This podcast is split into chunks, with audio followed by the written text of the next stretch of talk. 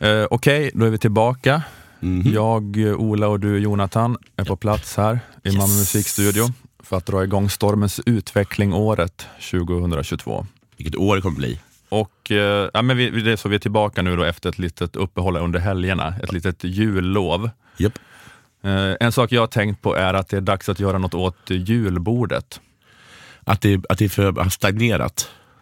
Ja, just det, det kanske man kan säga. Ja. Det var lite det jag tänkte på. Det stämmer nog. Den, att det, men jag tänkte att det är den tilltagande kvalitetsmedvetenheten i matkulturen under de senaste decennierna. Ja. Alltså den allmänna tilltagande förfiningen har Ja. gjort att julbord liksom har gått från att vara årets bästa måltid Ja. till att bli årets sämsta måltid. Mhm. Utan att julbordet i sig själv har förändrats, men bara liksom utvecklingen sedan 1980. Det har, liksom, det har gjort att julbordet är som Björn Borg när han försökte göra comeback med träracket. Ja, det är nog sant. Det funkar liksom inte. Det, var, det, är på, det är lika bra som då på ett sätt, men Ja. relativt sett har det blivit uselt. Just det, det är som att julbordet fattar inte att jag liksom att jag käkar um, ceviche, alltså på, på en tisdag. Så Nej. käkar jag liksom fucking ceviche. Liksom. Precis, och det, och det är en sån himla eh, revolution. För Ja. att förr i tiden på 70 80-talet och när vi var små fortfarande, alltså då var det ju så att Chili con carne var liksom, ja, det var piken. Ja, Ja, liksom, det ansågs så här mentalsjukt att bry sig om mat på det viset folk gör idag. Att stå och laga mat i timmar och bry sig om råvaror och Mm. speciella köksredskap. man gick in, man gick, Stå och slunga sin sallad. ja, nej, precis. man gick in i en butik, då fanns det kött, och så fanns det sås, och så fanns det potatis. Ja, och sås, jag visste inte att det fanns sås som inte var pulver förrän jag var i 20-årsåldern Nej. kanske. det är olika pulver. Står är på, och står och reda själv. Som någon jädra Eh, och eh, ja, men man åt, eh, man, fransman.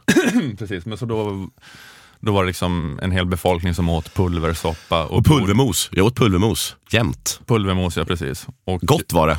Ja, Alltså relativt sett. det var ju, det var ju godare än bara vatten. Det var en bra uppladdning för julbordet också. Ja. Då, inför, ja, men det var pulversoppa. Riktigt mos, sa man. Riktigt mos. Eh, Har mor stått, på, har mor stått, mor stått och stompat potatisen? Okej, det här var ett litet utdrag. Köp en prenumeration för 29 kronor i månaden på underproduktion.se utveckling om du vill höra detta avsnitt. Plus alla tidigare prenumerantavsnitt, plus alla kommande.